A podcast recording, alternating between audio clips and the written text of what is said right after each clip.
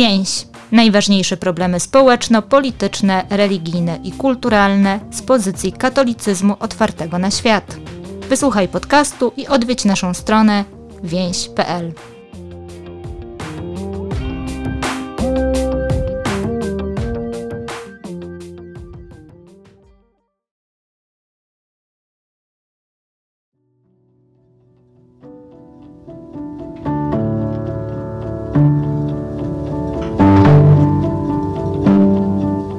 właśnie ćwierć wieku od chwili, gdy prawi ludzie w Szczecinie rozpoznali zło i zaczęli szukać sprawiedliwości.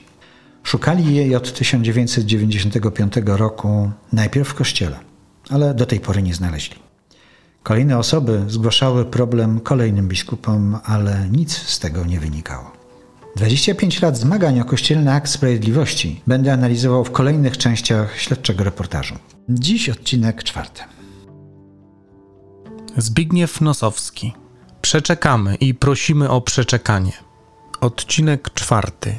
Ćwierć prawda nie wyzwala. Czyta autor.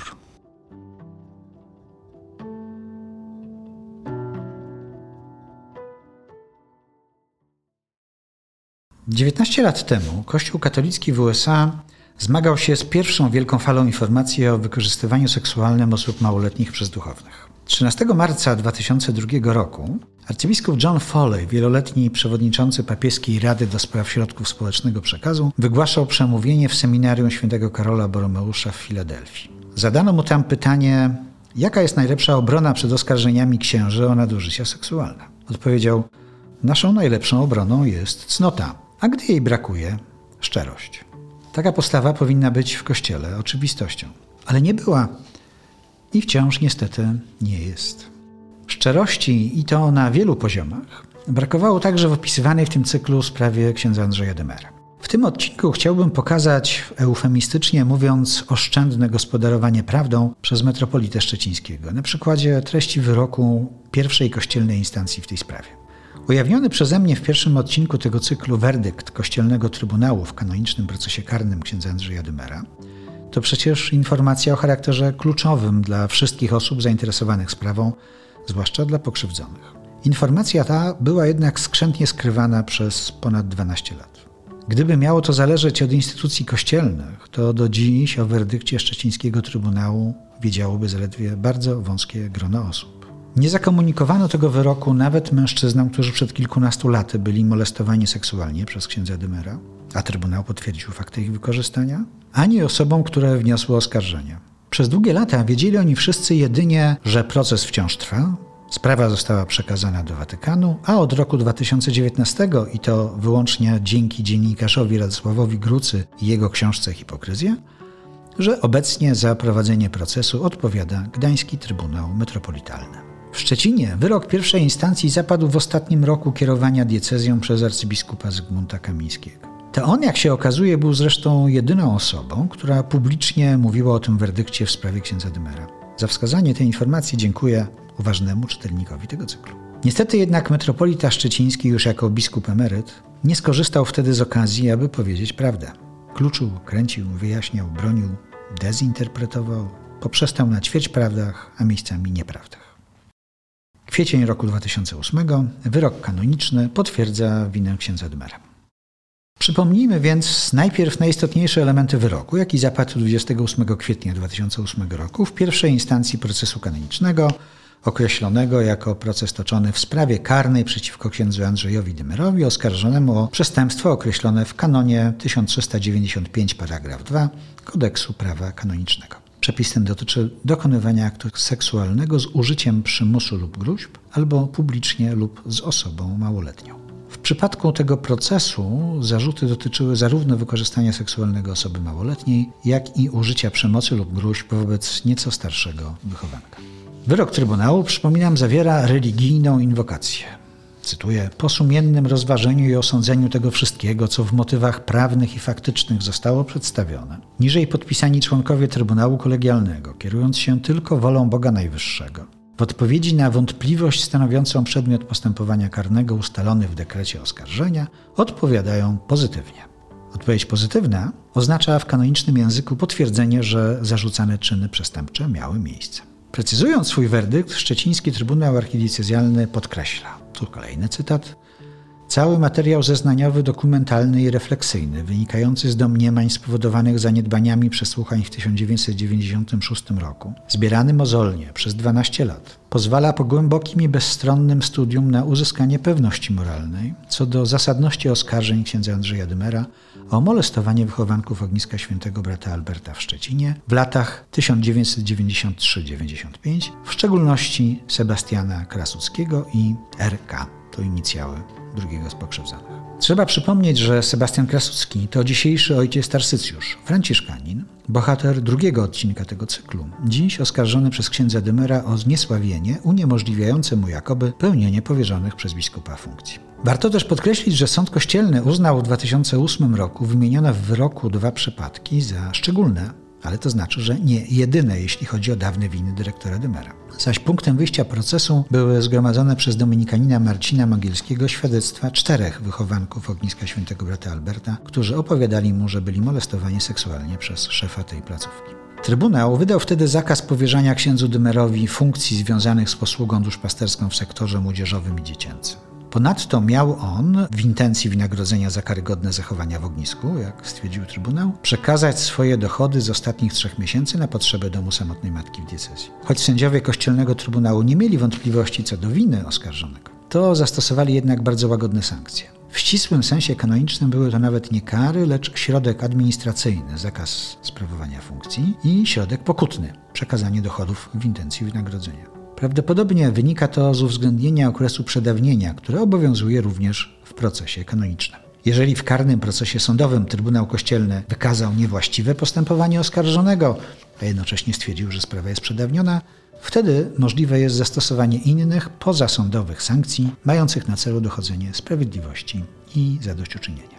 W uzasadnieniu wyroku sędziowie trzej duchowni z terenu metropolii szczecińsko-kamińskiej, których nazwiska znane są redakcji więzi, napisali m.in. zdecydowanie Trybunał odrzucił również próby obrony w kierunku przedłużania postępowania dowodowego przez zajmowanie się nieistotnymi dla sprawy incydentami. Chodzi o działania obrony zmierzające do zdyskredytowania wiarygodności dwóch duchownych, których zeznania obciążały oskarżonego. Ojca Tarsycjusza Krasuckiego i ojca Marcina Mogilskiego. Mimo symbolicznego właściwie charakteru nałożonych sankcji, ksiądz Demer z werdyktem Trybunału się nie zgodził. Postanowił skorzystać z prawa do złożenia apelacji. W czerwcu 2008 roku jego obrońca ksiądz Grzegorz Harasimiak zaskarżył werdykt Trybunału do Kongregacji Nauki Wiary, prosząc o ponowne rozpatrzenie wyroku i jego całkowite uchylenie. Jako powód apelacji podał kanon 1620 paragraf 7, czyli ograniczenie prawa oskarżonego do obrony, co skutkować ma nieusuwalną nieważnością wyroku. Podniósł również zarzuty uchybień proceduralnych i błędnej oceny materiału dowodowego. Grudzień roku 2008 ksiądz Dymer zeznaje, postępowanie umorzono ze względu na przedawnienie. Pół roku później, pół roku po wydaniu tego wyroku pierwszej instancji, wątek postępowania kanonicznego pojawił się w przesłuchaniu księdza Andrzeja Dymera w prokuraturze rejonowej Szczecin-Zachód. Prokuratorata od marca 2008 roku prowadziła w tej sprawie śledztwo. Były dyrektor ogniska świętego brata Alberta stawił się w prokuraturze 19 grudnia 2008 roku na samym końcu postępowania prokuratorskiego.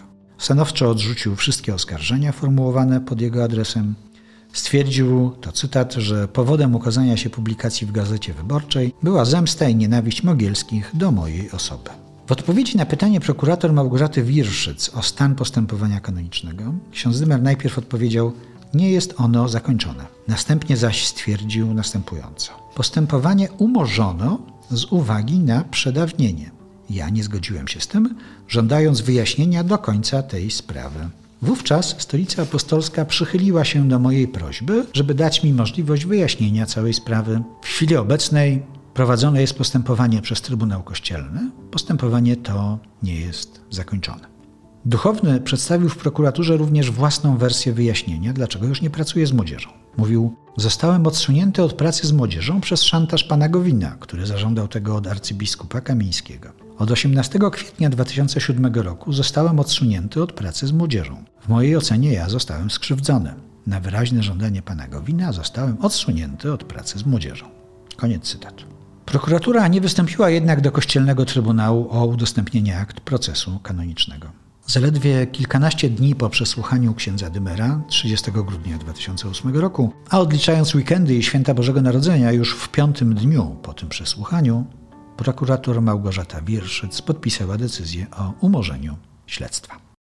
Rok 2009. Arcybiskup Kamiński. Niczego mu nie udowodniono. Jedyną osobą, która publicznie mówiła o wyroku kanonicznym pierwszej instancji, był arcybiskup Zygmunt Kamiński. Uczynił to w wydanym jesienią 2009 roku wywiadzie Rzece pod tytułem Życie jest nam dane i zadane. Autorem tej rozmowy jest politolog Maciej Drzonek, wówczas adiunkt, a dziś profesor Uniwersytetu Szczecińskiego, w ostatnich latach częsty komentator w lokalnych mediach publicznych. W 300-stronicowej publikacji wątek księdza Dymera zajmuje sporo miejsca, aż sześć stron. Widać, że sprawa była dla rozmówców istotna i dosyć świeża. Rozmowy nagrywano przecież zaledwie rok po ujawnieniu zarzutów wobec księdza Dymera przez Gazetę Wyborczą. Gdy zna się już wyrok Kościelnego Trybunału Pierwszej Instancji, lektura książkowych wypowiedzi metropolity szczecińskiego jest doświadczeniem trudnym, jeśli nie wręcz, by użyć modnego niegdyś słowa, porażającym.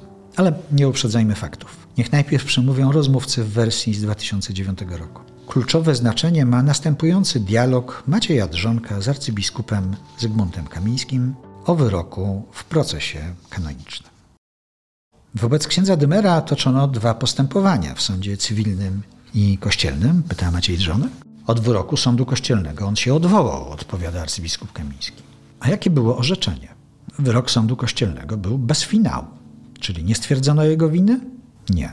Od czego się więc odwołał? Jaki był wyrok? Wyrok, powiedzmy, nie był skazujący go, ale wskazujący na jakieś złe postępowanie? Nie, nie, niczego mu nie udowodniono.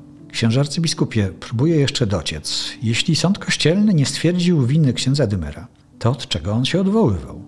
Od tego, że go oskarżano o takie rzeczy. Czyli postępowanie nie zakończyło się, ono zostało dokonane i nie jest w niczym potępione. A zatem procedura się zakończyła. W sądzie kościelnym po wydanym orzeczeniu w pewnym czasie oskarżyciel, jeśli jego tezy nie zostały potwierdzone, ma możliwość złożenia odwołania. Do mnie apelacja ze strony oskarżyciela nie wpłynęła. A postępowanie w sądzie państwowym też zakończyło się? Nie, ja nie znam wyroku. Wiem tylko, że przesłuchano wielu świadków i żaden nie potwierdził stawianych zarzutów. Czyli ksiądz arcybiskup ma pełne zaufanie do księdza Dymera? Nie mam dowodów na to, żebym stwierdził, że on jest winien. Nie mam na to dowodów. Czy gdyby przeciwko księdzu Dymerowi znaleziono jednak dowody, to ksiądz arcybiskup podjąłby stanowcze działania? To oczywiste. Gdyby były dowody przeciwko księdzu Dymerowi, to nie ma najmniejszej wątpliwości, że trzeba byłoby go usunąć, odpowiedział arcybiskup Kamiński. W rozmowie pojawia się także wątek wizyty Jarosława Gowina u metropolity szczecińskiego. Arcybiskup mówi: Przeprowadziłem też długą rozmowę ze znanym posłem spoza Szczecina. On się do ekscelencji sam zwrócił? Pyta Maciej Drzonek. Tak, on się do mnie zwrócił. Próbował coś z tym zrobić? Dzięki niemu na pewien czas opóźniono publikację tego tekstu. Profesor Drzonek, arcybiskup Kamiński kierował się miłosierdziem. Arcybiskupowi Zygmuntowi Kamińskiemu nie można już zadać pytań, jakie cisną mi się na usta po współczesnej lekturze jego wypowiedzi z roku 2009. Zmarł niespełna rok po wydaniu książki. Postanowiłem zatem porozmawiać z autorem wywiadu. Profesor Maciej Drzonek jest zaskoczony, że ktoś chce wracać do publikacji sprzed ponad 11 lat, ale przyjmuje zaproszenie do rozmowy. Prosi o czas na zapoznanie się z poprzednimi odcinkami tego cyklu. Ja odszukuję natomiast dawne wypowiedzi doktora Drzonka po publikacji wywiadu rzeki z arcybiskupem Kamińskim. W szczecińskiej gazecie wyborczej wyjaśniał, że otrzymał propozycję napisania tej książki od osób związanych z metropolitą. Mówił, i potraktowałem to jako naprawdę duży zaszczyt. Podkreślał, że w zamyśle arcybiskupa książka nie miała być laurką. W szczecińskim czasopiśmie ekumenicznym prosto z mostu Drzonek wspominał zaś, że ustalenia co do treści książki zapadły w maju 2009 roku, czyli dokładnie rok po wyroku Trybunału Pierwszej Instancji w sprawie księdza Dymera. Mówił, rozpoczęliśmy rozmowy pod koniec czerwca i trwały one około miesiąca, a potem były spotkania, podczas których dopracowywaliśmy szczegóły książki. Publikacja została wydrukowana tuż przed ceremonią nadania arcybiskupowi Kamińskiemu doktoratu honoris causa Uniwersytetu Szczecińskiego, która odbyła się 24 października 2009 roku. Pytam profesora Drzonka, czy książka była autoryzowana? Rzecz jasna, wypowiedzi, jakie podaje w książce, zostały zredagowane z nagrania. Przesłałem arcybiskupowi Kamińskiemu tekst do autoryzacji, a później otrzymywałem pewne poprawki. Na pewno przy opracowaniu redakcyjnym współdziałały z moim rozmówcą także inne osoby, zwłaszcza z miejsc jego wcześniejszej posługi, konsultując w jego imieniu wybrane fragmenty. Ale możliwe, że metropolita osobiście uważnie całości tekstu nie przeczytał. Wynika to z faktu, że prace nad książką uległy znacznemu przyspieszeniu ze względu na jesienną uroczystość nadania doktoratu honoris causa. A w jakiej formie zdrowotnej był arcybiskup Kamiński podczas nagrań? Pytam. Miał wtedy 76 lat, a zmarł zaledwie rok później, 1 maja 2010 roku. Arcybiskup Zygmunt Kamiński, jak można też przeczytać w książce, mówi Maciej Drzonek, był już wcześniej osobą dość mocno schorowaną z powodu wypadku, jaki przeszedł. Trudno jednak mi ocenić, czy pewne symptomy dolegliwości wynikały z bolesnego doświadczenia, czy może było oznaką wieku senioralnego. A może było to tylko moje wrażenie ich występowania. Jak pan go pamięta jako człowieka? To był moim zdaniem, mówi Maciej Drzonek, święty człowiek, książę kościoła. Biskup, który nie zbiskupiał. Robił zewnętrznie wrażenie człowieka niedostępnego, formalistycznego, zimnego, ale w kontakcie bezpośrednim był niezwykle empatyczną, otwartą i przyjazną osobą. Określał siebie jako miłośnika miłosierdzia Bożego. Warto to wziąć pod uwagę także przy analizie jego wypowiedzi w sprawie księdza Dymera. Ważne również, że był prawnikiem. Trzeba o tym pamiętać, patrząc na jego postać. Prawnicy używają specyficznego języka, do ferowania ocen muszą mieć twarde dowody, dlatego, jak sądzę, próbował ważyć swoje wypowiedzi. Ale w pańskiej książce, dopytuję, nie powiedział prawdy o wyroku pierwszej instancji w sprawie księdza Dymera. Gdy teraz, po ponad 10 latach, ponownie czytałem te słowa, odpowiada mi Maciej Drzonek, to przede wszystkim sam się zdziwiłem, że aż kilka stron książki na to poświęciliśmy. Zatem mój rozmówca nie uciekał od tego wątku, który był przecież dość pobocznym w rozmowie, jaką jest wywiad rzeka. Wypowiedzi arcybiskupa Kamińskiego może sprawiały wrażenie nieprecyzyjnych, a może wręcz odwrotnie. Jako prawnik i człowiek zafascynowany tajemnicą miłosierdzia, starał się tak dobierać słowa, aby oddawały istotę rzeczy, nie deprecjonując przy tym nikogo. Chcąc zrobić interesującą, rzetelną rozmowę, próbowałem ze swej strony dopytywać, ustalać, ale arcybiskup Kamiński z jakiegoś powodu tak to przedstawiał. Myślę, że dziś kwestią dobrej woli jest interpretacja i zważenie tego, co miała na myśli osoba już przecież nieżyjąca, mówiąc to, co mówiła ponad dekadę temu.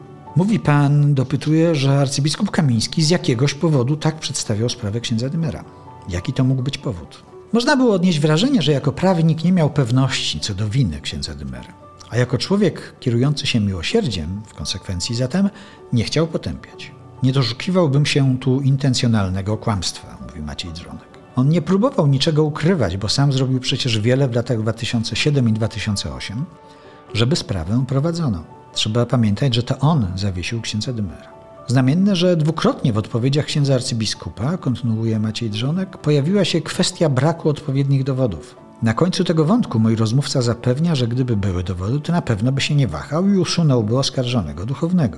Sądzę też, że słowa wypowiedziane w 2009 roku trzeba interpretować w kontekście czasu, w którym padły.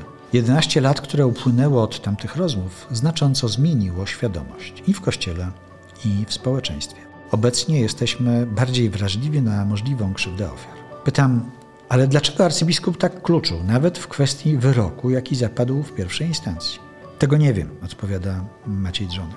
Najwyraźniej arcybiskup z jakichś powodów nie chciał albo nie mógł wprost powiedzieć, jak brzmiał ten werdykt a ja wyroku nie znałem. Dowiedziałem się o nim dopiero z pańskiej publikacji. Natomiast myślę, że usilne przykładanie dzisiejszej miary do wypowiedzi sprzed ponad dekady może być krzywdzące, zwłaszcza wobec osoby, która sama już nie może niczego wyjaśnić. Ponadto pan określił te wypowiedzi jako kluczenie, a może było to ze strony arcybiskupa Kamińskiego delikatne, dyplomatyczne wskazanie, że wiedza na temat kontekstu tej sprawy z pewnością moja wówczas, a być może i ta upubliczniona dzisiaj, nie została, że tak powiem, obiektywnie zbilansowana odnośnie wszystkich aktorów w niej występujących.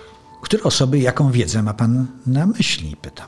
Maciej Drzonek odpowiada. Wiedzę dotyczącą całego kontekstu sprawy, możliwych, prawdopodobnych okoliczności, które mogły zajść i które mogły mieć znaczenie dla takiego, a nie innego prezentowania sprawy, gdyby rzecz jasna okoliczności takie w istocie zaszły. Powyższa uwaga ma tylko charakter spekulatywny. Wyraziłem jedynie przypuszczenie, iż arcybiskup Kamiński mógł znać inne okoliczności, których znajomość pozwalała mu na całościowy, rzetelny ogląd problemu, a zarazem z powodów, o których wspominałem wyżej, nie chciał lub nie mógł dzielić się informacjami na ich temat. Przecież inaczej ocenia się kierowcę, który śmiertelnie potrąca pieszego, jeśli analiza takiego zdarzenia pozwoli na odnalezienie świadków, którzy zeznają, iż to pieszy najpierw rzucił kamieniem w samochód, potem uciekając potknął się, a goniący go kierowca nie zdążył wyhamować. Zarazem nie zmienia to jednak faktu, iż kierowca pozostaje moralnie obciążony sprawstwem pozbawienia życia pieszego. Reasumując zatem, podsumowuje profesor Maciej Drzonek, arcybiskup Zygmunt Kamiński, co jak sądzę pokazał wywiad Rzeka, był człowiekiem niezłomnym i przyzwoitym. Przy tym nie zwykł dbać o splendor. Zdecydowanie wolał działać niż mówić o działaniu, jak to dziś powszechne jest w przestrzeni publicznej. W ferowaniu swoich ocen i opinii, zwłaszcza względem innych osób, starał się jednocześnie kierować normami dwóch porządków prawa i miłosierdzia. A to w pewnych przypadkach może być niezwykle trudne. Ja przynajmniej takim właśnie księdza arcybiskupa zapamiętałem na podstawie rozmów przeprowadzonych latem 2009 roku, jak i świadectw oraz materiałów, do których wówczas dotarłem. Arcybiskup Kamiński, kapłani z Polski przysyłali mi podziękowania. Przedstawiając cytowane wyżej tylko spekulatywne hipotezy o, w cudzysłowie, bo to cytat, możliwych, prawdopodobnych okolicznościach, które mogły mieć znaczenie dla całościowego, rzetelnego oglądu problemu, profesor Maciej Drzonek zapewne miał na myśli hipotezę, którą dosadniej przedstawiał także w książce Życie jest nam dane i zadane. Kilkakrotnie sugerował w niej, znajdując potwierdzenie u rozmówcy, że w medialnym ataku z 2008 roku chodziło o samego arcybiskupa Kamińskiego. Ich rozmowa w roku 2009 tak wyglądała. Maciej Drzonek. A czy ksiądz arcybiskup nie odebrał całej tej historii, że tak naprawdę nie chodziło o atak na księdza Dymera, tylko na ekscelencję? Być może, że tak, tylko że ja posiadałem mocne kontrargumenty.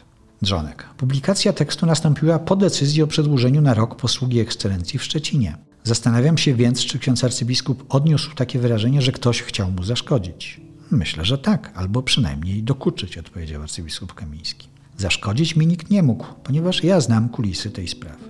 A ksiądz arcybiskup domyśla się, kto naprawdę za tym stał? Pytał Maciej Drzonek.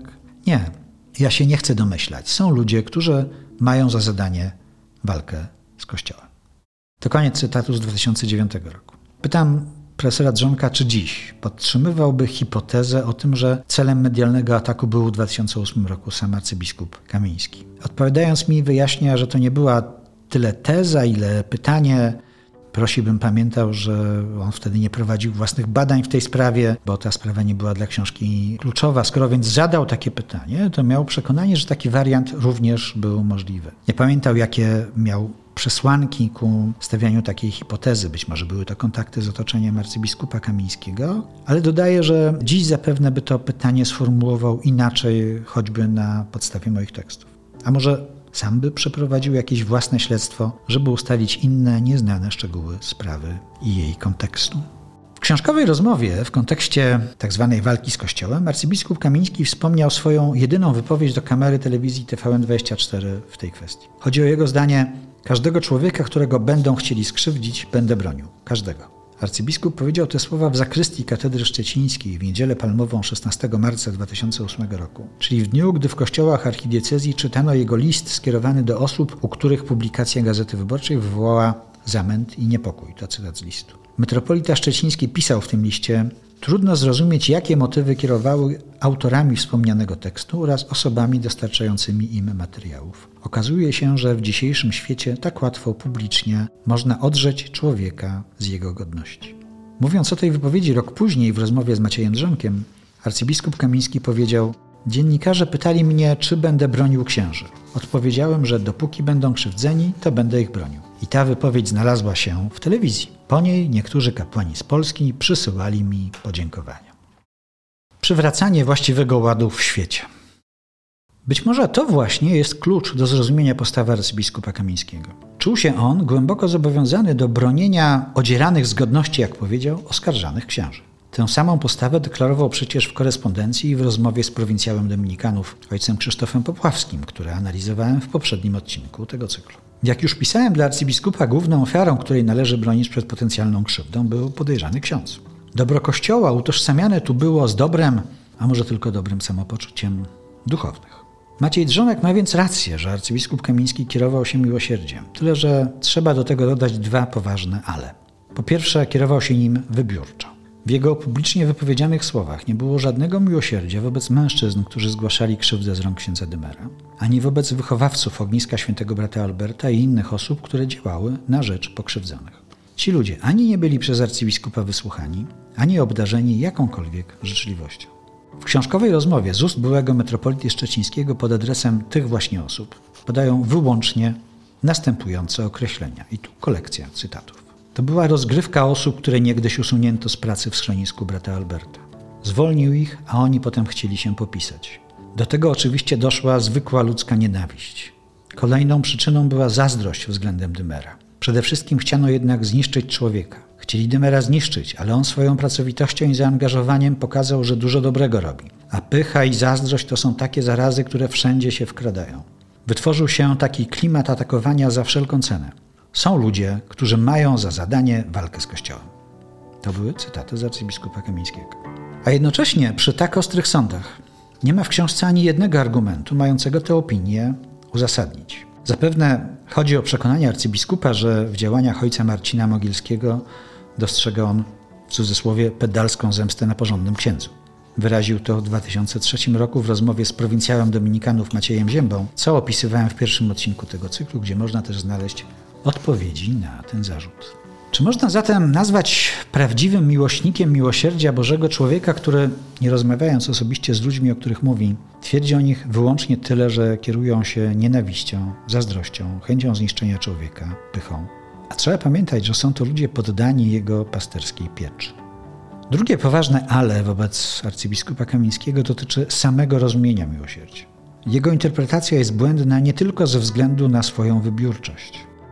Kwestia wykorzystywania seksualnego osób małoletnich pokazuje jak w soczewce, że zwłaszcza w przypadku tak ciężkich przestępstw, właśnie miłosierdzie wobec osób pokrzywdzonych domaga się sprawiedliwości wobec sprawców.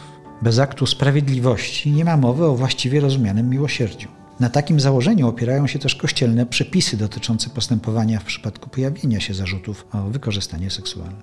Dlatego także coraz częściej można spotkać się w kościele z zachęcaniem osób pokrzywdzonych do wyjścia z cienia i do opowiedzenia o swojej skrywanej traumie. Od lat znane są też liczne wypowiedzi kościelnych hierarchów, od papieży poczynając, którzy podkreślają, że Kościół powinien być wdzięczny ofiarom pedofilii za ich odważne wyznania.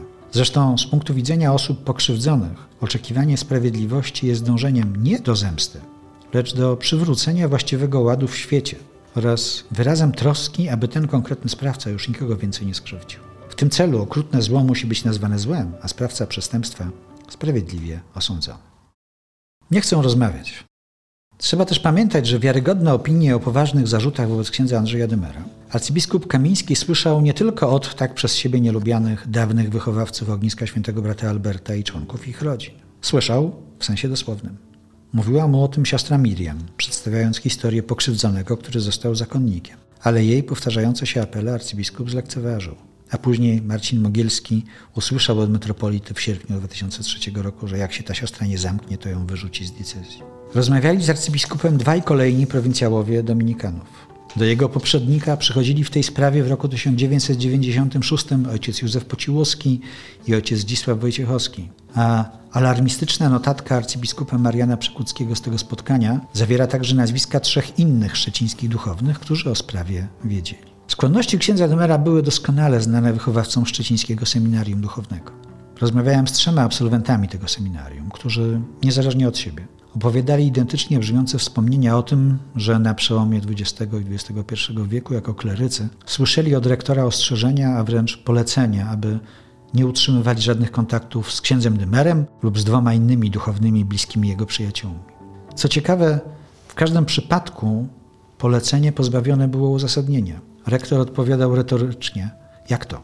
Chyba nie muszę ci tłumaczyć dlaczego. Nie wiesz? Wiedzieli o zarzutach i uznawali je za wiarygodne również inni szczecińscy duchowni, którzy jednak od lat, aż do dziś, odmawiają wypowiedzi w tej sprawie. Ich nazwiska i opinie przekazywane są z ust do ust w kręgu osób interesujących się i zajmujących tą sprawą. Oni sami jednak milczą. Znajomy jednego z tych milczących księży przekazał mi jego odpowiedź. To i tak nic nie da. On jest nietykalny. Inny odparł: On jest zbyt potężny, będzie mi szkodził, a ja chcę nadal być proboszczem.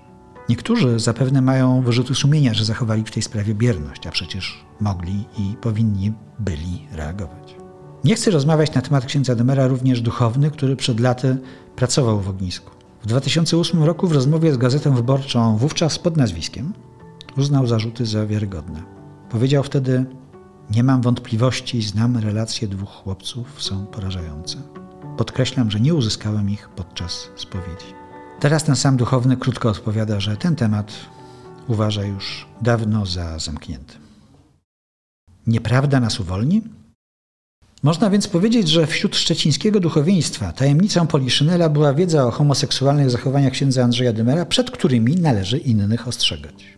Nie sposób dziś ocenić, na ile rozpowszechniona była wiedza, że obiektem jego seksualnych napaści bywają także chłopcy niepełnoletni, co prawo kościelne uznaje za ciężkie przestępstwo duchownego. W końcu w kwietniu 2008 roku trzej znaczący duchowni metropolii szczecińsko-kamieńskiej orzekali w tej sprawie w karnym procesie kanonicznym. W wyroku, przypomnę raz jeszcze, kierując się tylko wolą Boga Najwyższego, napisali o karygodnych zachowaniach dyrektora ogniska oraz o tym, że cały materiał zeznaniowy, dokumentalny i refleksyjny pozwala po głębokim i bezstronnym studium na uzyskanie pewności moralnej co do zasadności oskarżeń księdza Andrzeja Dymera o molestowanie wychowanków ogniska świętego brata Alberta w Szczecinie w latach 1993-95.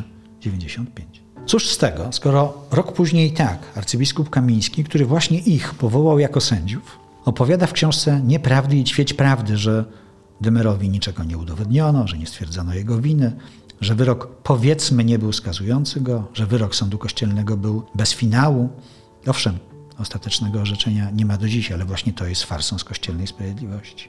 Że oskarżyciel księdza Dymera w procesie kanonicznym nie złożył apelacji, ale po co promotor sprawiedliwości miał składać apelację, skoro jego teza została potwierdzona? W liście arcybiskupa Kamińskiego odczytywanym w szczecińskich kościołach 16 marca 2008 roku było takie zdanie. Wyrażam przekonanie, że postępowanie zainicjowane przeze mnie przed kilku laty wyjaśni ostatecznie wszelkie wątpliwości. Postępowanie zostało przeprowadzone. Wyrok zapadł. Ale sam metropolita wciąż uważał za prawdę nie treść werdyktu, lecz tę wersję, którą słyszał od samego oskarżonego i zapewne od jego głównego eklezjalnego patrona, biskupa Stanisława Stefanka. To samo dotyczy opinii arcybiskupa o procesie państwowym.